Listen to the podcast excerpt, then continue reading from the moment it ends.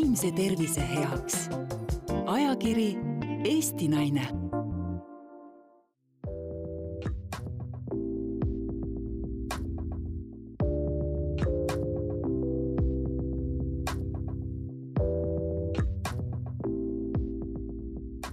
tere tulemast kuulama peaasi.ee podcasti Pearaadio. Pearaadio podcastides räägime vaimsest tervisest ja selle hoidmisest. minu nimi on Heidi Purga ja olen täna siin külalissaatejuhi rollis. tänases saates räägime lapsevanemate vaimse tervise muredest ja sellest, kuidas oma lapsi hoida ja toetada, kui lapsevanemal on vaimse tervisega seotud mure saate salvestame koostöös Just filmiga, mis on lastele ja noortele suunatud filmifestival ja käsitleb lapse õiguste programmi raames ühiskondlikke probleeme, nagu seda on ka lapsevanemate vaimse tervise mured saate külaliseks on psühholoog ja Räägime lastest metoodika spetsialist Kadri Troost. tere, Kadri! tere, Heidi! ma küsin kohe siin saate alustuseks, et ähm, et avada kogu seda mm, tänapäeval niivõrd olulist teemat ja üha rohkem esile tõusnud teemat, miks on oluline lapsevanemate vaimse tervise teemadest üldse rääkida mm? -hmm.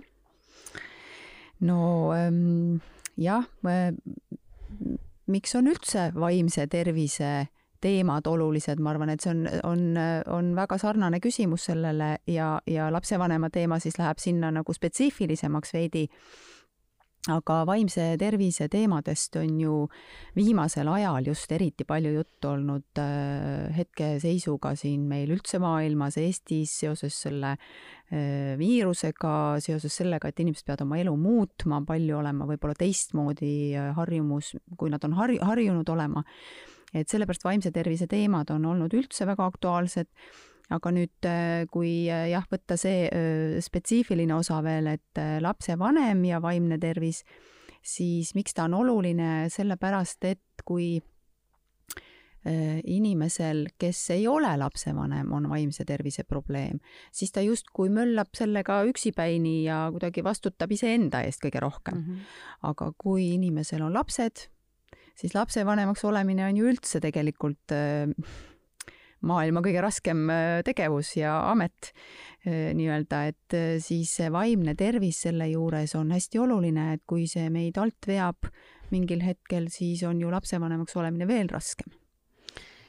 Olles ise lapsevanem, küll ühe lapse ema, näen ma enda ümber, enda tutvusringkonnas ja, ja lugedes erinevaid, ma ei tea, erinevaid peavoolu, näiteks uudisportaale ajakirju, raamatuid, et see teema äh, ei kummita ainult meid siin Eestis, nii nagu sa ütlesid, vaid see on kuidagi globaalselt äh, tõusutrendis äh, olev nähtus kui selline, millele inimesed on hakanud oluliselt rohkem tähelepanu pöörama.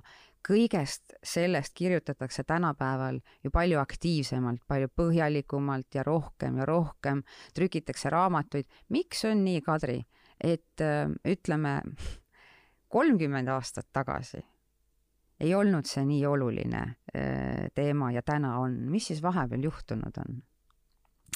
no ma arvan, et see ongi see teadvustamise küsimus kõige rohkem. et ma usun, et, ähm, et me oleme sellel alal targemad, me oleme teinud äh, uurimusi, me oleme osanud hakata, võib-olla oleme hakanud jälgima. Ähm, nüüd äh, kohe toon siia sisse selle ähm, olulise momendi, miks üldse mina ise olen sattunud selle teema juurde, et ma töötan vaimse tervise probleemidega inimestega ja ütleme, see lastega tegelemise teema selles plaanis on minuni jõudnud läbi, läbi just niisuguse aspekti, et patsiendid, kes kasvatavad lapsi toovad hiljem oma lapsed samasse asutusse. et öö, oleme hakanud lihtsalt märkama selliseid asju rohkem. Et sellepärast on ka need fookused võib-olla niimoodi teravdunud, et tegelikult ma arvan, et need asjad on olnud ikka samamoodi, aga, aga kuna me sellest rohkem räägime, oskame märgata, oskame vaadata, et et vot, et kui on meil patsient hädas oma lapse kasvatamisega, tal on enda tervisega probleem, ta on hädas sellega, kuidas, kuidas tagada sellele lapsele majanduslik toimetulek, kuidas tagada, et ta saaks hästi õppida, laste, teiste sõpradega koos olla, igasuguseid vajalikke asju teha et kui tal tekivad vanemal selles, selles sfääris probleemid, et siis võib juhtuda nii, et ka see laps saab üks päev mingisuguse vaimse häire diagnoosi ja oleme lihtsalt jah, targemad, et näeme mhm. rohkem ja, ja, ja paremini selge silmaga ja, ja oskame ka võib-olla tegeleda hetkel äh, ja abi pakkuda rohkem mm. -hmm. kas sa leiad, et teatavas mõttes või teataval määral mingisugused ühiskondlikud väärtushinnangud on ka selleks alust andnud, kui ma nüüd seda mhm. ajaraami siin, mida ma enne kirjeldasin, näiteks kolmkümmend aastat äh, esile toon, et need väärtushinnangud on ikkagi mm, noh, ma leian, et oleneb muidugi riigi piiridest, aga on siiski äh, jõuliselt muutunud. et ka see, seetõttu me märkame neid asju rohkem, et, äh, et ütleme, et need vajadused, mis olid äh, kunagi need esmavajadused, mis inimesel ähm, tuleb täita või kellegi eest hoolitseda, enda eest hoolitseda, millest elu üldse koosnes, olid pisut teistsugused. no ma küll arvan ka ja et, et eks need väärtused ju selle tõttu rohkem võib-olla muutuvadki ja, ja et, et me oleme teadlikumad. et me näeme seda, et, et lapsel ei ole vaja ainult, et tal oleks söök laual ja katus pea kohal ja, ja et võib-olla, et noh, et ta saab tingimata öö, hariduse ja et siis on kõik hästi. et lapsel on ka emotsionaalsed vajadused, laps võib olla mõnes mõttes oma pere äh, väärtuste, peresuhete ohver teinekord isegi. Ja näeme veel kaugemale, et vaatamata, vaatamata sellele, et, et võib-olla pere majanduslikult seal ähm, toimetab lapsega suhteliselt hästi, kõik on olemas, nagu justkui pole nagu millestki puudust et vaatamata sellele võib, võib laps saada ikkagi mingi psüühikahäire selle tõttu, et tal on mingid väga suured vajadused katmata. see on see, et vanemad on võib-olla väga hõivatud just nimelt selle majandusliku poole üles mhm. vuntsimisega ja, ja selle nii-öelda noh, tasemel hoidmisega. ja, ja siis ei olegi aega lapsega koos olla, mis on tegelikult ju väga väärtuslik ja ja üks lapse põhivajadusi emotsionaalses plaanis. E, ja üks hea näide on kohe võtta suurriigist Ameerika, kus edule orienteeritud ühiskonnamudelis hakkas mingisugusel hetkel ilmnema noorte sõltuvus erinevatest ravimitest, ma ei räägi ainult siin, eks ole, uimastitest, vaid äh, vaid äh, retseptiravimitest, et koolis hakkama saada, nad olid üksi jäänud oma perekonnas, vanematel aega. Nende jaoks ei olnud, küll aga oli vanematepoolne surve eh, hakkama saamiseks mm, -hmm. edukaks olemiseks eh,, et kõik näeks välja nagu kuskil kenal postkaardil. Ja sellega kaasnes nagu siis teiselt poolt selline noh, ütleme, et üsna raju enesehävituslik eluviis mm. -hmm. no ja oleme otsapidi isegi selles mm, -hmm. selles asjas sees. et äh, millegipärast äh, koos selle teadlikkuse ja võib-olla rohkem süvitsi mineva äh, siis ühiskonnana me ka tegelikult teeme neid samme, noh, neid nii-öelda tagurpidi samme ka, et, et teisest küljest äh, võib-olla tõesti on meil ka juba selline trend kusagil täiesti olemas, et me peame välja nägema nagu pilt postkaardil. kui meil on tore elamine, kui meil on head autod, siis me peame välja nägema perena ka sobilikud sinna, siis ju kuidagimoodi ei kõlba noh, see, et meil lapsed ei saa kuidagi koolis hakkama või, või on neil mingisuguseid ähm, mingisuguseid käitumisprobleeme, et nad hakkavad meile vanematena vastu, et tahaks, et kõik oleks äh, selline ilus mm. ja kena vaadata endale mm -hmm. ja ka esitada oma sõpradele võib-olla mida sina, Kadri, spetsialistina arvad, et see olukord, mida sa äsja kirjeldasid piltpostkaardilikust perekonnast, ähm, kas vanemad sellises situatsioonis, kus tegelikult on mingisugune häire sees, teadvustavad endale seda häiret? Äh, aga, aga pühivad selle nii-öelda vaiba alla piltlikult öeldes, sest neil ei ole teadmist, tahtmist või aega sellega tegeleda või on asi muus. Noh, ma arvan, et on nii ja naa, et see hästi sõltubki siis tegelikult vanemate äh, noh, ühelt poolt siis võib-olla mingisugusest taustast, et kui palju keegi üldse on ähm, oma lapsepõlves tajunud sellist äh, noh, võimalust, et, et nende, nende vaimsele tervisele või, või mingitele probleemidele üldse tähelepanu pööratakse, see viib väga nüüd jälle sinna teemasse, kui palju vanemad on oma, oma lastega kunagi üldse juttu teinud, rääkinud, üldse võtnud aega et siis nendest on kasvanud siis vastavalt jälle sellised lapsevanemad, kes märkavad üldse rääkida oma lapsega või, või, või mingisuguseid emotsionaalseid äh, küsimusi oskavad tähele panna. et äh, ma usun, et siin jagunevadki pered äh, täpselt niimoodi ähm, laias laastus kahte leeri, et need, kes märkavad, saavad küsida abi järele, saavad äh, võib-olla hakata toimetama siis selles plaanis, et midagi enda käitumises muuta, ehm, otsida abi mm. kas lapsele või pigem iseendale. ja siis teine osa, kes ehm, noh, viimase hetkeni ikkagi pühivadki täpselt nii, nagu sa ütlesid, probleeme vaiba alla. aga noh, paraku ükskord see murdumine tuleb ja, ja tuleb see siis sellel näol, et, et et avastatakse siis eh, laps, kes on saanud kõike võib-olla proovida teha mingisugusest kambast, kus ta teeb mingeid aineid, kus ta võib-olla enam ei käi koolis, et siis, vot siis on vanema jaoks probleem, sest see hakkab postkaardilt välja kukkuma ja, ja nagu hakkab, hakkab silma siis teistele, siis on probleem küll aga kui nüüd konkreetsemaks minna, Kadri, millised on enam levinud vaimse tervise mured üldse lastevanemate seas? No see küsimus on äh, nüüd muidugi selline, et, et äh, pigem mina keeraks selle teistpidi, et, et kõik ähm, vaimse tervise häired, mis meil ühiskonnas on, äh, on tegelikult ka võimalik, et on lapsevanemal, lihtsalt et küsimus on selles, et kui see vaimse tervise probleemiga inimene, mingi diagnoosiga inimene omab lapsi, siis nii ongi, et põhimõtteliselt vaimse tervise häired on igasugused ka, ka lapsevanematel et äh, tänapäeval ju ei ole enam nii, nagu me võib-olla vanasti mõtlesime, et mõne vaimse tervise häirega üldse ei tohikski lapsi saada. et nii, nii tänapäeval ei mõelda. et ähm, ja, ja pealegi võib ju, ju vaimse tervise häire tekkida lapsevanemal siis, kui ta juba on lapsevanem. et igasugused meeleoluhäired ja ja ärevushäire ja, ja igasugused võib-olla ka mingid psühhoosihäired, need võivad tulla siis, kui sa oled juba lapsevanem ja tuleb siis kahe koormaga hakkama saada. võib-olla üks erand, mis on tõepoolest äh, ju noortel emadel äh, seda äh, sünnitusjärgset depressiooni, noh, et seda, seda ikka esineb, et sellist, sellist seisundit nagu sünnitusjärgne depressioon võib-olla jah, vanemaealiste seas ja meeste seas ei, ei leidu.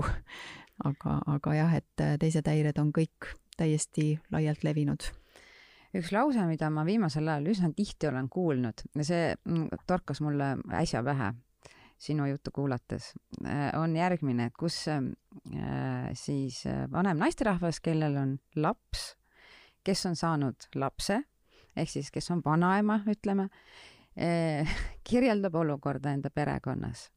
mina ei tea, mul, me, meil on perekonnas neli last, olen nad kõik üles kasvatanud või oleme nad siis perega, perega üles kasvatanud. ei olnud meil mingit probleemi. ja nüüd vaatan enda tütart. ta on noor ema, ta on ostnud endale kümneid raamatuid laste kasvatamisest ja ütleb, et ta ei tea mitte midagi on suhteliselt äh, ütleme, et sellise viimase stressi äh, tasemel kavatseb neid raamatuid veel lugeda, aga mi-, noh, ütleme, midagi nagu omandanud sellist äh, selginevat ta enda jaoks nendest ei ole. kas nüüd just täpselt sellises sõnastuses, aga sellist kirjeldust olen ma väga tihti kuulnud. kuidas sina kommenteerid seda?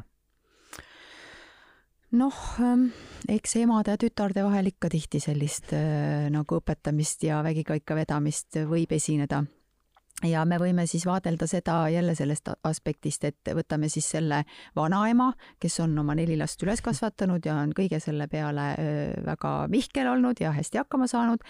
ja noh, et siis, kui ta tütar hakkama ei saa, et kas ta siis ikka oli väga nagu tegus ja, ja tubli lapsevanem, et võib-olla unustas midagi rääkimata sellele tütrele, kelle puhul ta nüüd imestab, et, et see hakkama ei saa.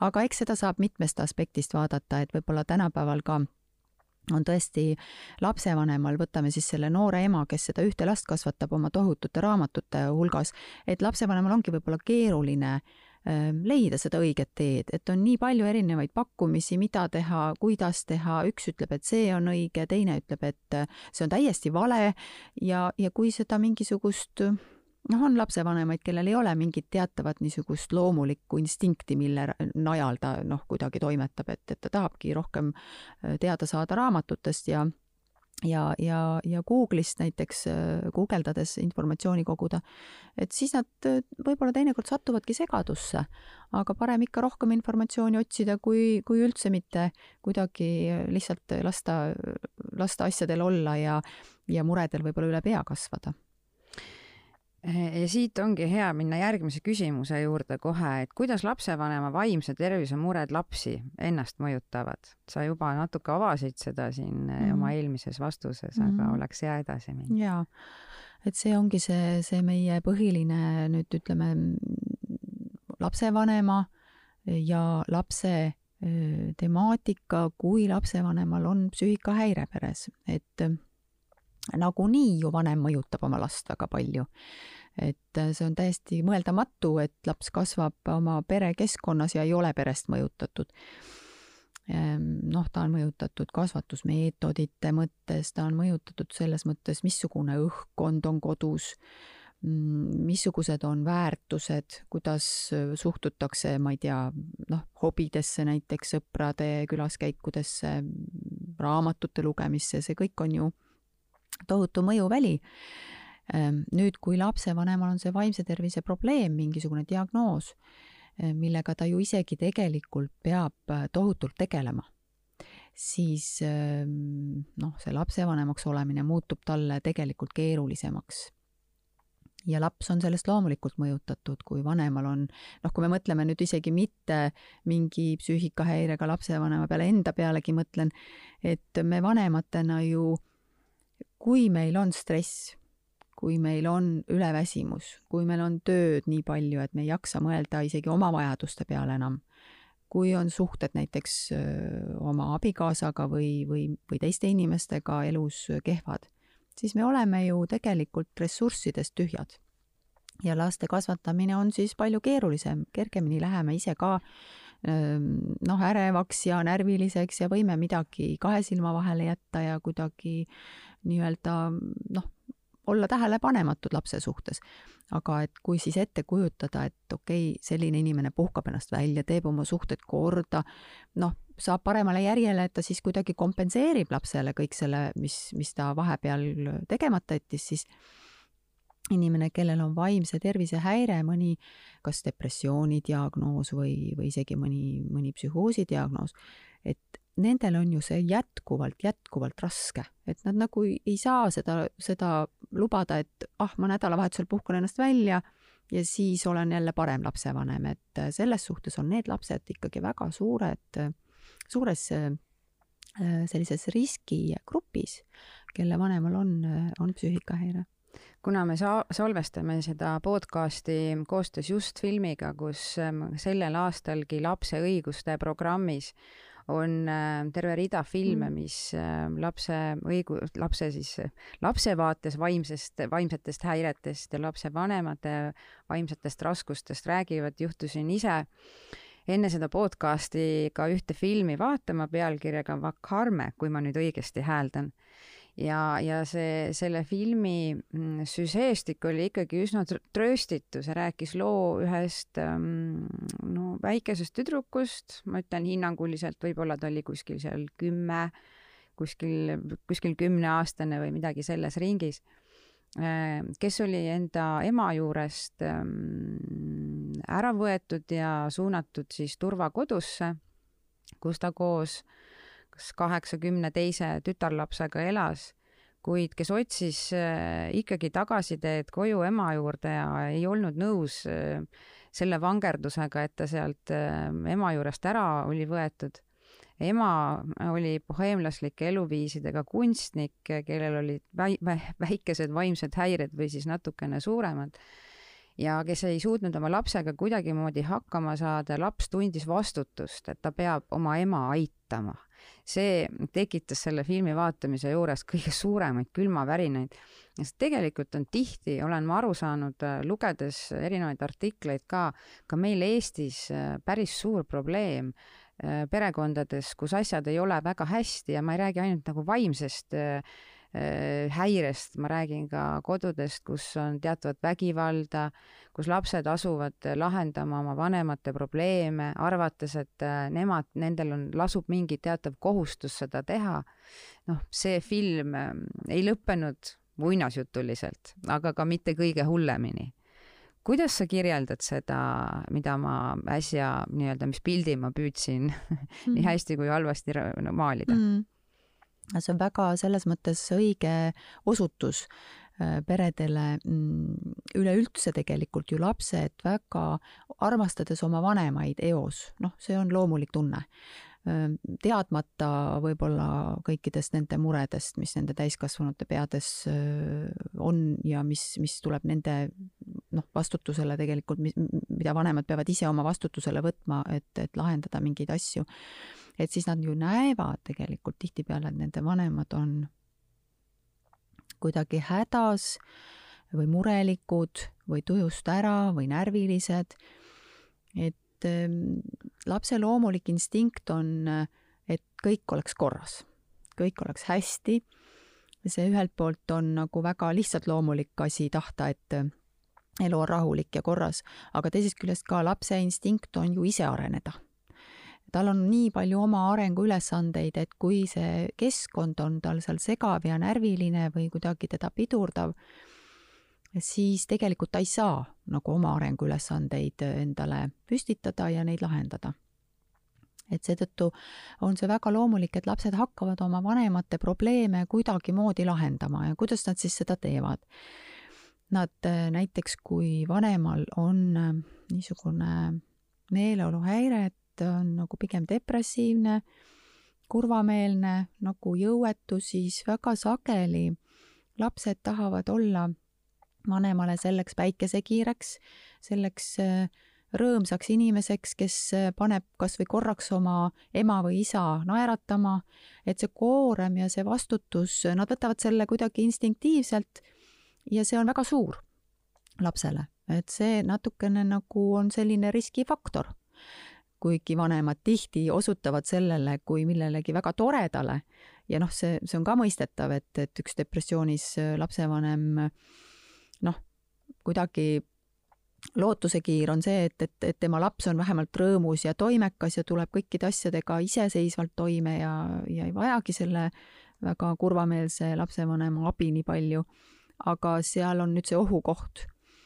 et kui laps võtab ikka liiga palju vastutust, püüab äh, vastutada selle eest, et tema ema või isa oleks äh, kordki päevas õnnelik või rõõmus või et tal oleks vähem muret et ta, kui ta võtab seal koduseid kohustusi, võtab ülesandeks võib-olla teiste laste eest hoolitseda, kes peres on, peaasi, et vanemal oleks kergem.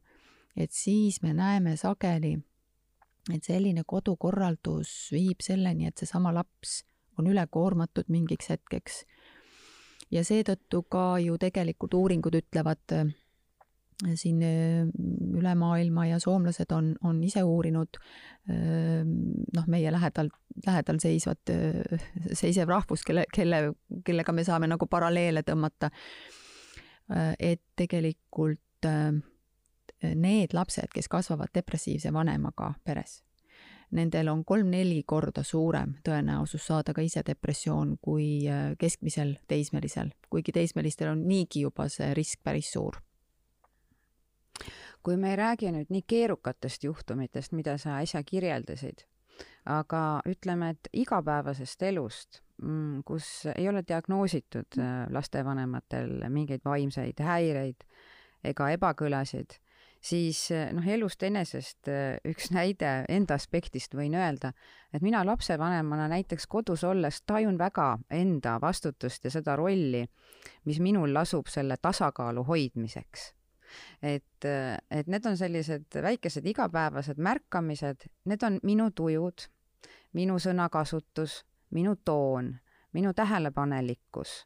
Ja, ja, ja, ja noh, nagu üldse see olek, kui mm, midagi läheb nagu ja ikka läheb teinekord, et me oleme kõik inimesed paigast ära, siis äh, ma näen äh, seda, seda nii-öelda selle tervikliku, selle kombinatsiooni või selle olemise sees, noh, mingisugust võnget, see on kohe tajuda.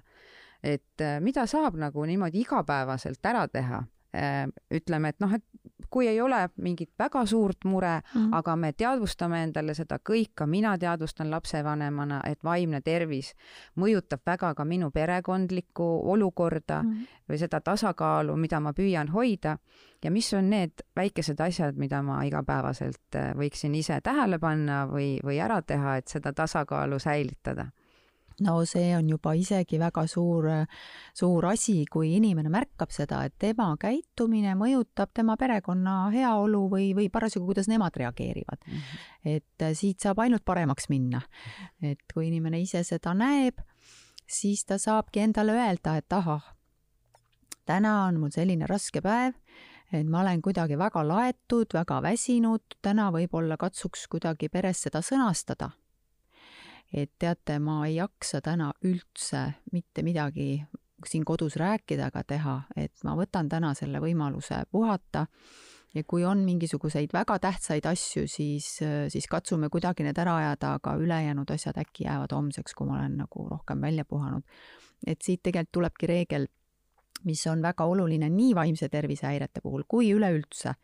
lapsevanemad võiksid teada anda, mis nendega toimub nii sellest võiks teada anda lapsele, missugune diagnoos mul on ja mis, mis see tähendab talle, mm. kui ka sellest lihtsalt, et eh, lapsevanem on näiteks ma ei tea, tal on, no tal on täiesti nii-öelda juhe koos ja ta ei jaksa ja ta on vihane ja väsinud ja ei suuda noh, nagu midagi väga mõistlikku kodus teha. Sest mis on nagu selle juures oluline, on see, et laps ei pea siis mõtlema, et see on tema pärast Mm et sest noh, kui vanem ei ütle, et ta on töölt tulles nii kuidagi laetud ja seal on nii nõmedaid asju juhtunud ja tahaks kuidagi lihtsalt lõõgastuda. ja ema on kuidagi selline äh, lapsega noh, nagu sellest tulenevalt järsk, siis laps võib mõelda, et see on sellepärast, et tema on valesti käitunud. et kui see on üksikjuhtum, kui seda juhtub harva, siis see ei ole noh, nii mõjus. aga paraku äh, kui seda juhtub, siis sageli nendes peredes seda juhtub kogu aeg et vanem ei julge nagu oma tausta avada, mis tal viga on ja siis äh, ei, ei põhjenda ka, et miks ta on närviline või kurb või õnnetu või magab kaua, noh näiteks mina ikka sinna, kipun sinna selle vaimse tervise juurde tagasi, et, et kui noh, depressiooni puhul ikkagi see, see unevajadus on väga suur, et siis laps võib mõelda, et, et ema on temast väsinud ei taha temaga mhm. tegeleda, ei taha voodist väljagi tulla, et ta on nii tüütu ja ja, ja selline noh, raske, raskesti kasvatatav laps, et ema ei viitsigi temaga tegeleda üldse.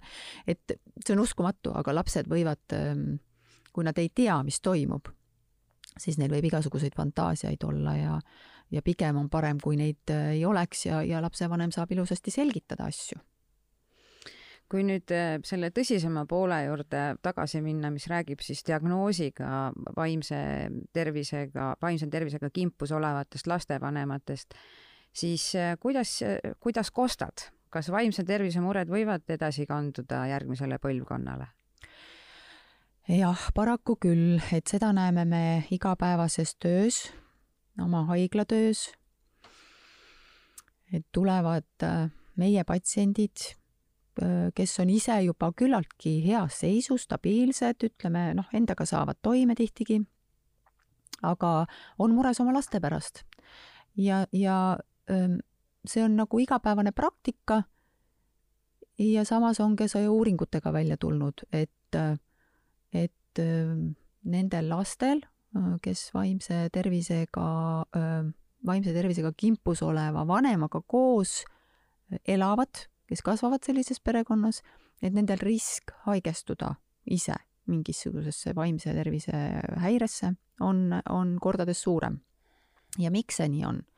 ühelt poolt me võime ju mõelda, et me oleme väga palju ju rohkem tea-, teame geneetikast ja ja sellisest ähm, soodumusest võib-olla noh, niisugusest, niisugusest et, et vaimne tervis võib olla nagu nõrgem koht inimesel, et, et see läheb kuidagi geneetiliselt edasi ja see on, on tõsi aga teisest küljest, kui me mõtleme, milline keskkond on nendel lastel, kes siis niimoodi kasvavad, siis äh, suure tõenäosusega mõjutab ka just see toimetulek elus. Ja, ja tekivad vaimse tervise küsimused ja probleemid ka ja selle tõttu, et lihtsalt midagi on väga kahe silma vahele jäänud selle lapse arengus. selle tõttu, et vanem on ise, ise hädas mm. -hmm. et äh, siit nüüd edasi minna, äh, jõudsin ma oma mõttega sinu juttu kuulates selleni, et, et ütleme nüüd inimestel või perekondades, kus pööratakse lihtsalt võib-olla keskmisest rohkem tähelepanu vaimsele tervisele ja tasakaalule on soovitatud mitmeid praktikaid, mida me võime lugeda, näiteks nagu regulaarne uni, et seda tasakaalu hoida ja säilitada, mõõdukas füüsiline aktiivsus mm, -hmm. toitumine, vitamiinid, kõik neid asju võib igalt poolt lugeda, see materjal on kättesaadav. aga ometi omamoodi on sellest jadast eh, tihtipeale saanud selline kümne küünega kinni hoitav mingisugune sõltuvus, näiteks ütleme, füüsilise aktiivsuse puhul ehk siis, äh, et see tasakaalu hoidmine on kuidagi kukkunud nagu ühte, ühte nurka ja vajutab seda tasakaalu latti nagu kõvasti allapoole. kuidas sa sellist olukorda kirjeldad?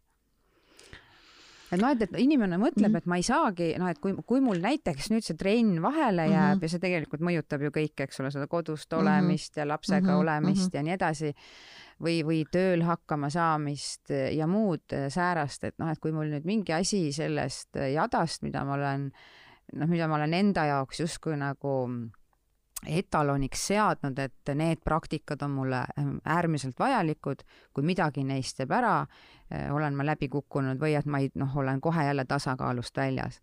et sellest räägitakse ka tihti, et mm -hmm. noh, et sellest tasakaalu hoidmisest on, on omamoodi selline sõltuvus saanud mm. -hmm nojah, et eks see terve mõistus peab siin ikka aitama, et et kui on, kui on tegu sõltuvusega, siis on ikka pahasti, olgu ta siis ükskõik mille sõltuvus ja, ja, ja sõltuvus tähendabki seda, et kui ma siis mõni päev seda asja teha ei saa, millest mul sõltuvus on, et siis ma ei võta seda lihtsalt, et ma ei saa sellest üle minna nii, et hea küll, et noh, vaatame siis edaspidi. et siis tekib ikka probleem aga kui tekib probleem, siis on ju probleem tavaliselt, kui on tegu lapsevanemaga, kogu perele probleem. ja eks need noh te, tervislikud eluviisid, kui neid ka niimoodi võtta, me võime näiteks kasvõi selle toitumise võtta mingisuguseks näiteks, et kui inimene väga tervislikult toitub, see on väga tore, aga kui ta hakkab ikkagi ainult sellega tegelema ja tekib mingi selline söömishäire moodi asi, sõltuvus siis sellest, et kui tervislikult ma ikka toitun ja kui vähe ma söön, siis ehm, noh, siis see on ikka probleem igal juhul. et ega kõik peab olema nagu balansseeritud, et siis on ikka palju mõnusam elada ja ja, ja igasuguse tervislikkusega võib absoluutselt üle piiri minna samamoodi. no vot, siin ongi jällegi see küsimus, et eh, nii nagu selle noore ema puhul, kes ostab eh, kümneid raamatuid ja kavatseb veel sama palju osta, et enda teed leida selles äh, probleemide ja küsimuste rägastikus, mis võib-olla ei tule nii intuitiivselt ja võib-olla ei ole seda noh, sellist karget, ütleme, talupojalikku vaadet mhm. asjale, nimetagem seda nõnda mm, -hmm. siis ikka on vaja, ikka ju otsitakse, loetakse, guugeldatakse, otsitakse abi et kust ja kuidas võiks lapsevanem abi otsida vaimse tervise murede osas, et me küll rääkisime siin sellest Just filmiprogrammist, kellega koostöös meil see podcast või Pearaadio saade toimub, vaimse tervise teema on sellel aastal just filmi Lapse õiguse programmis üks keskne teema ja sealt saab, saad, sa saad filme vaadata, mingeid vastuseid justkui, aga on veel mm -hmm. kohti ja, ja, ja ilmselt variante, kuhu mm -hmm. pöörduda mm. -hmm.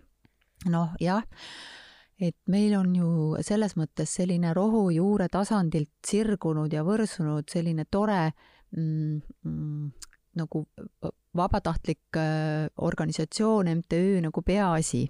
kõik vist juba seda äh, sõna on kuulnud, et see on nagu nii hästi ühiskonnas kuidagi leidnud seda vastukaja ja inimesed teavad, et nende leheküljel peaasi.ee on tõepoolest äh, väga hästi välja arendatud esmane mm, abivõrgustik.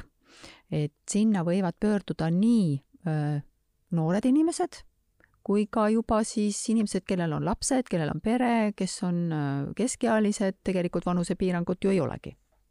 et võib-olla sealt võiks alustada ja vaadata siis, kuhu nad suunavad. et eks nad ju kõiki probleeme ise ära loomulikult ei suudagi lahendada ja see olekski, noh, see ei olegi see eesmärk. Aga inimestel on võimalus peaasja leheküljel esiteks ringi vaadates leida juba mingisuguseid lahendusi oma probleemidele, mingisuguseid mõtteid, mingisugust abi selle kohta, mis neil üldse viga võib olla. ja teinekord aitab juba lihtsalt lugeda, et vot mhm. mul on vist see ja see ja, ja olen jälle natuke targem ja, ja mõned nõuanded lihtsalt tõmbavad natuke sellist ärevust maha mida sa neile soovitad, kes võib-olla sellises väga intensiivses eneseanalüüsi olekus äh, otsivad nagu neid äh, veakohti ja võib-olla neil ei olegi seda abi tarvis, et kuidas seda ära tunda, et mitte liiale minna, et mitte hakata äh, otsima midagi, mida ei ole tarvis otsida? no jah aga eks see on ka ju selline asi, et, et niikaua, kuni ma rahu ei saa milleski, siis ma ikka muudkui otsin ja otsin, et kui ma lõpuks leian siis selle, olgu see siis noh, nii veider lahendus asjale, aga kui ma nagu noh, kui ma saan selle mingisuguse jah-vastuse kuskilt, et, et vot see toimib mulle, et niikaua ma ikkagi olen otsimas ja, ja teinekord on nii, et eks see otsimine isegi muutub häireks. Et, et see, see võib ka olla, olla selline rahulolematuse niisugune sündroom, et iga, igatepidi nagu ükskõik, kes mulle mida ütleb, et tegelikult äh, see kõik on natukene vale ja ikka peab veel otsima, aga, aga iseenesest äh, äh, igasugune, igasugune teadmine tegelikult, noh, ütleme guugeldades võib ka muidugi sattuda väga huvitavate arvamuste ja, ja teadmiste otsa. huvitavate siinkohal siis jutumärkides et äh, aga üld, üldjoontes, mida rohkem inimene teab ja oskab ise, ise nagu erinevate võimaluste vahel siis valida, et äh, teadmised on alati ikka head ja, ja, ja abi on ka sellisest leheküljest nagu Tark vanem lapsevanemale, et see on siis äh, Tervise Arengu Instituudi poolt niisugune juhitud lehekülg. seal on ka väga palju võimalusi, kust, kust vaadata noh, niisuguseid linke mm, -hmm. kuhu alla siis minu probleem mahutub. aga võib-olla jah, niisugusi, noh, kui päris guugeldada, siis võib sattuda ei tea kuhu ka, et selleks peab valmis olema. mida oma lastele rääkida ja kuidas? oma vaimse tervise muredega seoses, et ähm, kui nüüd juhtub keegi kuulama meie podcasti ja, ja tal tekib ähm, tunne, et võib-olla see on mingil määral kuidagivõrd aidanud teda selleks esimeseks sammuks, mis oleks ju väga tore, siis äh, kuidas peaks algust tegema? no see on jälle väga hea punkt, et see on nii oluline teema meil eestlaste hulgas üldse, üldse rääkimine kui selline. et ega me oma isiklikest asjadest ei taha väga rääkida ja kõige vähem me tahame võib-olla oma lähedastega jagada mingeid raskeid asju. mina täpselt ei tea, kust see tuleb, kas see on selline mingisugune eestlaste ürgne omadus kuidagi ise hakkama saada, vaikida oma raskustest, olla pigem vaikselt, mitte kulutada oma suud tühjale-tähjale. et noh, meil on olnud aegu, kus me võib-olla meilt ei küsitudki ja, ja noh, ajaloos ja ja pidimegi toime tulema pigem vaikides. aga noh, tänapäeval on teistmoodi ja ma peaks väga-väga nagu oluliseks seda, et see võiks olla üks õppetund meil küll, et me, me alustamegi sellest, et tunnistame iseendale, kui meil on mingisugune probleem. et selles ei ole mitte midagi taunimisväärset, kui kellelgi, keegi avastab, et tal on midagi, millega peab tegelema, sest tegelikult meil kõigil on lihtsalt ma arvan, et, et need on nagu paremal järjel, kes, kes seda tunnistavad. ja järgmiseks ongi siis see, see võimalus rääkida oma pereliikmetele ka, et ma olen tähele pannud, et mul on niisugune või niisugune mure ja vot, vot sellised ja, ja noh, tõenäoliselt on pere ka märganud seda ja siis on võib-olla hea ja avameelne rääkida, et mida see inimene siis tunneb õieti ja millega ta siis hakkama kodus ei saa mis talle raskusi valmistab, millal ta abi võib-olla vajab, aga millal ta vajab võib-olla lihtsalt mõistmist. Ja mis ta siis äh, noh, oskab oma lastele selle kohta öelda, et kõige targem on, on äh, võib-olla lapsi hoida selle eest, et lapsed ei tunneks süüdi ennast, et see on noh, korra juba siin läbi käinud, aga, aga kui vanemal on probleem, siis lapsed peaks sellest süükoormast, et nemad peavad selle, esiteks süüdi selles olema, teiseks selle asja korda veel ajama. et noh, sellest nad peaks nagu kuidagi vabanema, et kui see on lapsevanemal võimalik teha, siis see on nagu, ma arvan, väga suur saavutus. Ma hakkasin muigama sinu vastust kuulates üldse mitte sinu jutu peale, aga mulle tuli meel, meelde enda kodust enda lapsega seoses üks seik või noh, korduv seeria seiku, kus noh, me räägime ikkagi üsna avameelselt asjadest ja, ja, ja eriti, mis puudutab ka seda, et kui kellelgi on raske olnud mm. päev, on, me jagame seda omavahel siis, kuidas päev läinud on, aga mõnikord ei jõua selle jagamise momendini ära oodata ja siis laps analüüsib ju mind kõrvalt ka ja siis ütleb, emme, võta nüüd natuke hoogu maha näed, et kuidas ma siis, ma ei tea, kas mm -hmm. kuidagi liiga suure hooga hakkan kodus midagi mm -hmm. ette võtma.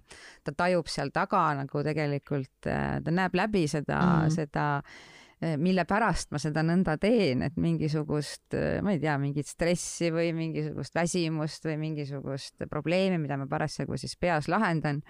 ja siis ta tuleb, ütleb üsna sellisel käskival toonil. emme, võta nüüd natuke hoogu maha, noh, nii mm -hmm. nagu mina talle siis teinekord võin ka öelda. aga sellest ma ütlen, on päris palju abi, et teinekord see üks lause mm -hmm lahendab äh, selle, selle hetke kohe ära, nii et äh, päike on kohe väljas, ütleme, ja kõigil on hea olla. aga kuidas lapse heaolu hoida? jah, et kui, ähm, kui laps saab teha neid asju, mis on tema arengule vajalikud, siis ongi lapse heaolu hoitud ja noh, läbi lapsepõlve on seal igal juhul sisalduvad selles head perekondlikud suhted, toetavad, kui need ei ole ka iga päev sellised äh, väga sisulised ja, ja, ja ei jõua iga päev hirmsasti kätt hoida, siis lapsel on hea, kui ta tunneb, et äh, kui tal on probleem, kui tal on mure, kui ta on hädas, et siis ta ei jää nagu ripakile, et ta saab kellegagi rääkida. ta ei pea, ta ei pea iga päev saama rääkida, aga ta peab tajuma, et see võimalus on olemas. Et niisugune nagu turvaline tunne, et see on, ma arvan, kõige tähtsam, mida mm, mida saab lapse heaolu juures teha. Ja noh, siis igal arenguastmel on omad vajadused, mis peavad lihtsalt olema täidetud, et laps peab, kui ta väike on, siis ta peab saama hästi palju sellist noh, toimetamist tema ümber, eks ju, seal peab olema arenguvõimalus, et ta saab õppida ise toime tulema, et ta peab saama need võimalused, et talle lubatakse lusikas kätte ja tal lubatakse siiski, vaatamata sellele, et ta võib kukkuda, lubatakse proovida kõndida ja vastavalt siis arengule edasi, et sõpradega koos olemine, inimese enda, lapse enda huvid, peale selle, et koolis käia, on ju lapsel igasuguseid muid vajadusi veel isiklikus plaanis, hobid, õppimine, see kõik on, kui need asjad on paigas, ma arvan, et siis lapse heaolu on nagu hoitud ka. Jah, eh, sellest lapsega vestlemisest, et kuidas päev läks ja ja ega, ega nendes või et kuidas teistel läks näiteks sinu klassis, et eh, kas teistel oli ka hästi ja kas sinul oli hästi ja mis juhtus ja kes mida tegi et äh, need on näiteks sellised praktikad, mida ma enda puhul olen ähm, täheldanud, e, e, et kui neid teha pidevalt, siis on suurem tõenäosus ka teinekord probleemile jälile jõuda. see on täiesti selge, et, et laps ei ütle sulle kohe, ähm, noh, kui on midagi toimunud sellist, mida ta võib-olla peab enda sees või enda peas veel lahendama, see peab äh, ladestuma, sät-, ütleme, et nagu sättuma nagu tema sees justkui mm. -hmm ta peab nagu selle omaks võtma, harjuma ja, ja, ja kui see on ikkagi probleem, teinekord ta lahendab ära need asjad eh,. aga teinekord jäävad need väga sügavale sisse ja võivad tekitada nagu terve rea uusi probleeme.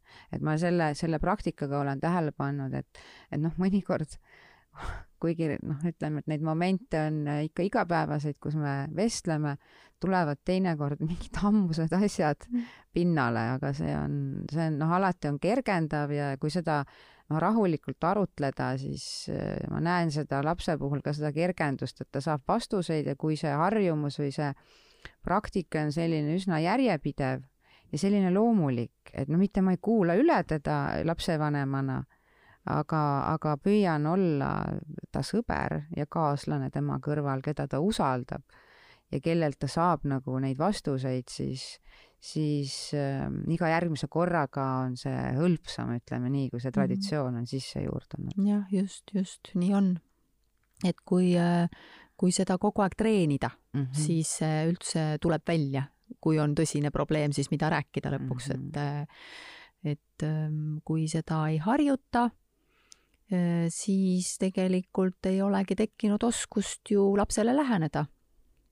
ja ega see on ka väga sage, et lapsevanem justkui nagu püüab siis lõpuks seda last aidata, kui ta näeb, et seal on siis teismeeas seda abi tõesti vaja aga ei ole nagu oskust läheneda talle, et mm siis võibki, võibki nagu selles mõttes hätta sattuda. nii et sa soovitad, et, et selleks äh, tuleks juba nagu täna alustada. just, et, et see oleks hilisemas etapis, kus niikuinii läheb raskemaks et see oleks mõnevõrra hõlpsam. no absoluutselt. no see on ka ilmselt kohe. individuaalne, et kuidas kellelgi, et mõnel äh, läheb, võib minna tõesti mm -hmm. väga keeruliseks, aga mõnel ei juhtu mitte midagi, ma mõtlen selliste laste nagu teismeea äh, vanusega hakkama saamised, et eh, kus neid probleeme teinekord ka tekib rohkem.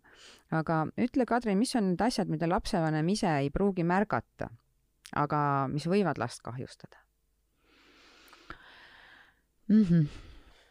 no lapsevanem, eh, kui ta on psüühikahäirega, probleemiga, mingisuguse suurema mm, enda murega hädas siis on tal võib-olla teinekord raske üldse midagi märgata, kui see asi ei ole nii suur, et see ise tuleb ja torkab ennast silma. aga kui me noh, räägime üleüldiselt, et et võib-olla ongi raske, raskem märgata nendel lapsevanematel oma lapsega toimuvaid asju, kes ei ole täpselt nagu me eelmise just lõik siin arutasime, et kui sa ei ole kogu aeg treeninud temaga, lapsega kursis olemist. sa kuidagi te, täpselt ei tajugi, et mis tüüp ta on selline või kuidas ta reageerib või mis ta hinge võtab. et siis tegelikult, siis ei märkagi mitte midagi. et ega lapsed veel seal eriti teismelise eas ja juba varateismelise eas väga kergesti nii-öelda lukustavad ennast enda sisse ära. ja võib-olla, ma ei tea, viibivad palju internetis ja, ja sotsiaalmeedias ja, ja räägivad seal oma asju. ja, ja kui sa siis tegelikult äh, kasutad vanemana seda head võimalust ära, et laps tegeleb iseendaga ja tegelikult temaga suurt muret ei olegi, siis täpselt nii ongi, et et, et sa võidki kogemata maha magada päris mitmeid äh, olulisi asju Äh, sinu vastuse ajal tuli mulle meelde, et, et, et aga siin on ju ka selline aspekt nagu teise ellu liigne sekkumine. Teisisõnu, kanaema, ahviarmastus mm, -hmm. me võime neid kirjeldusi veelgi ja veelgi leida, et kuidas sa seda kommenteerid?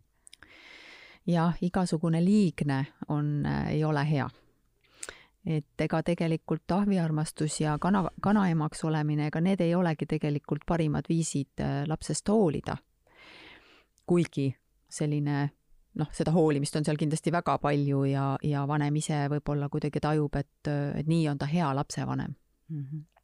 ja võib-olla mingisuguse vanuseni isegi see töötab teatud mõttes, et laps kuidagi kompenseerib oma, oma egoga ise ära ka need asjad, mida ema võib-olla seal väga pakub, aga mingist hetkest kindlasti see hakkab väga segavaks muutuma, kui lapsevanem tahab sekkuda.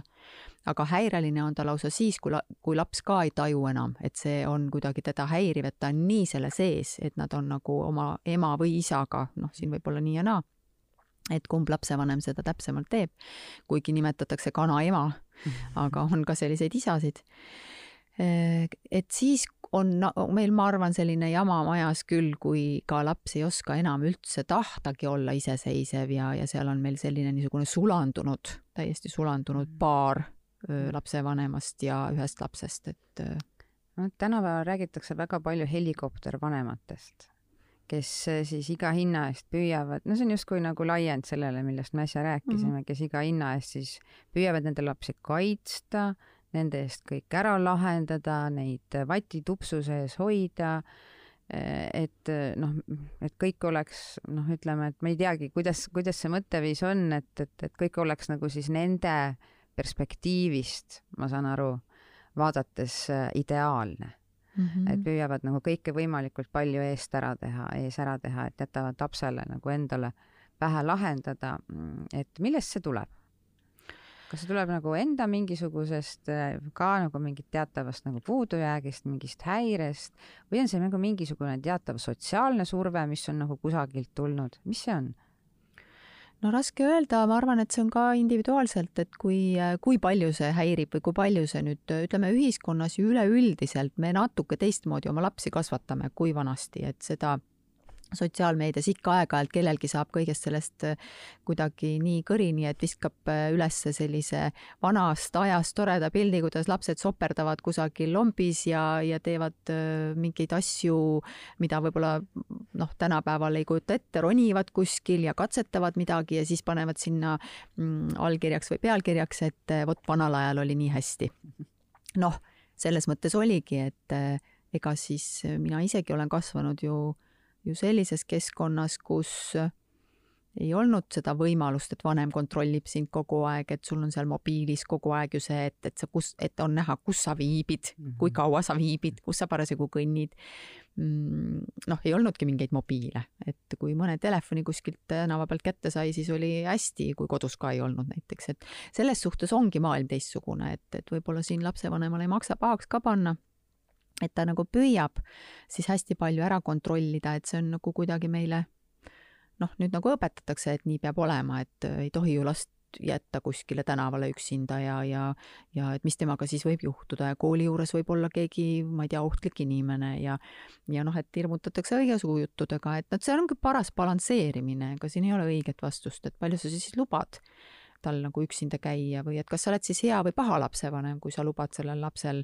ronida puu otsa kas, kas, kas see on nagu okei okay,, et ta võib sealt kukkuda, aga võib-olla kukub nii, et on päris hullusti, noh, et see on, see on alati olnud, ma arvan, lapsevanemale keeruline, aga kuna me saame praegusel ajal rohkem kontrollida, siis võib-olla me nagu kasutame ära seda liiga palju vanemana, et me nagu oleme siis ise turvame ennast, et me teame, mhm. mis lapsega toimub vot siit tahangi kohe küsida sinu kui spetsialisti käest järgmise küsimuse, et mis on sinu meelest need nii-öelda enam levinud vead selle teemaga seoses, mida lapsevanemad kipuvad tegema? Ja selle teema all ma mõtlen tegelikult seda ta-, saate teemat ka nagu üleüldisemalt ja seda noh, põhimõtteliselt tagasi vaadates neid lõike, millel me oleme peatunud no see on jah, selline selles mõttes väga, ütleme, kui nüüd kokku proovida võtta seda, et missugused võivad olla üld, üldlevinud kasvatuslikud või, või siis lapsega toimetamise juures tehtavad vead, siis ma arvan, et tegelikult noh, väga üldsõnaliselt võttes, siis see nagu ei puuduta õieti kedagi, sellepärast et, et see ei pruugi noh, nagu iga perekonna kohta käia aga kui ikkagi proovida natuke üldistada, siis ma arvan, et, et oleks tore, kui ei tehtaks seda viga, et lastakse lapsega see kontakt, emotsionaalne kontakt käest ära. Ja see on kerge tekkima tegelikult ja, ja see nagu väga palju loeb ka pärast muude probleemide tekkimise juures, on, on aluseks muude probleemide tekkimisel, et et kui me ikka oleme mugavad ja lasemegi lapsel palju olla mingisuguses muus maailmas, mida tänapäeval ju on võimalik saada igalt poolt äh,, igast ekraanide vahendusel äh,, et lapsed leiavad endale seda muud maailma, kus olla. ja kui me selle kontakti ära kaotame, et siis tegelikult noh, sealt võib alguse saada ka igasuguseid muid hädasid, et et muid vigu võidakse ka teha, aga ma arvan, et need võib-olla ei ole nii üldised, üks teeb ühe vea, teine teise ja, ja midagi saab parandada ja, ja paljudele asjadele saab, leidub lahendus, aga aga kui lapsevanem on mugav ja laseb kontaktil minna kuidagi ja selle lapsega ei, ei proovi noh, aru saada, mis inimene ta on ja kuidas temaga saab suhelda ja ei naudi taga enam seda koosolemist kuidagi, et noh, see ei ole, mm. see ei ole nagu tore või see kuidagi on tüütu.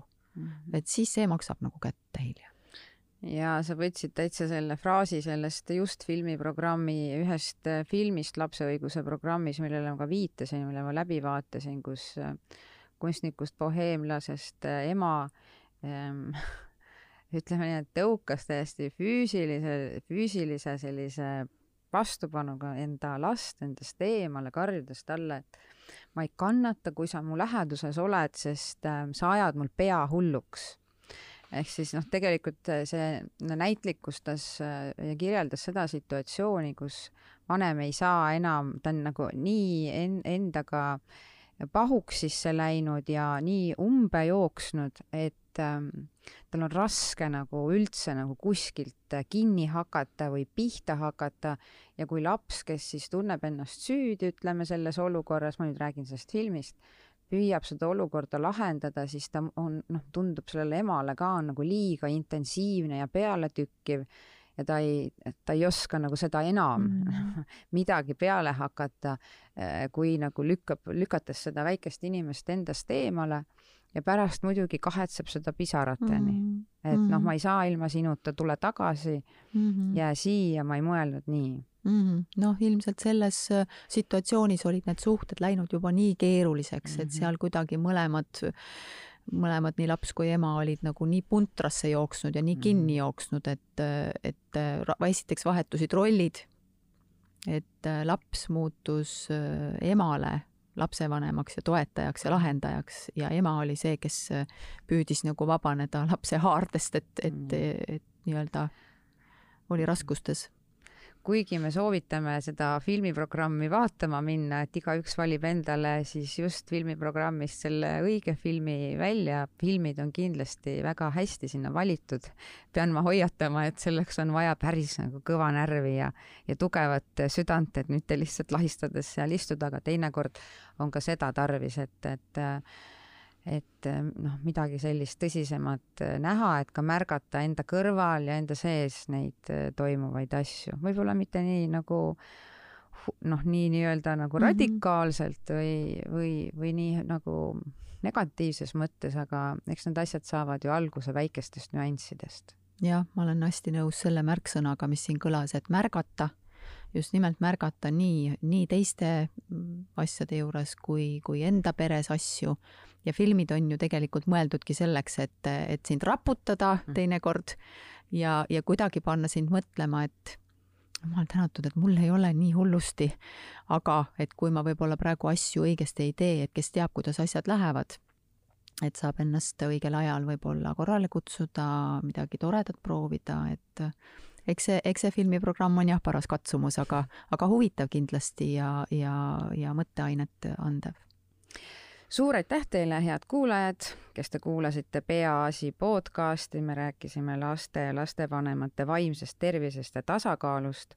minu saatekülaliseks oli täna psühholoog ja Räägime lastest metoodika spetsialist Kadri Troost, aitäh sulle! ja mina olin külalissaatejuht Heidi Purga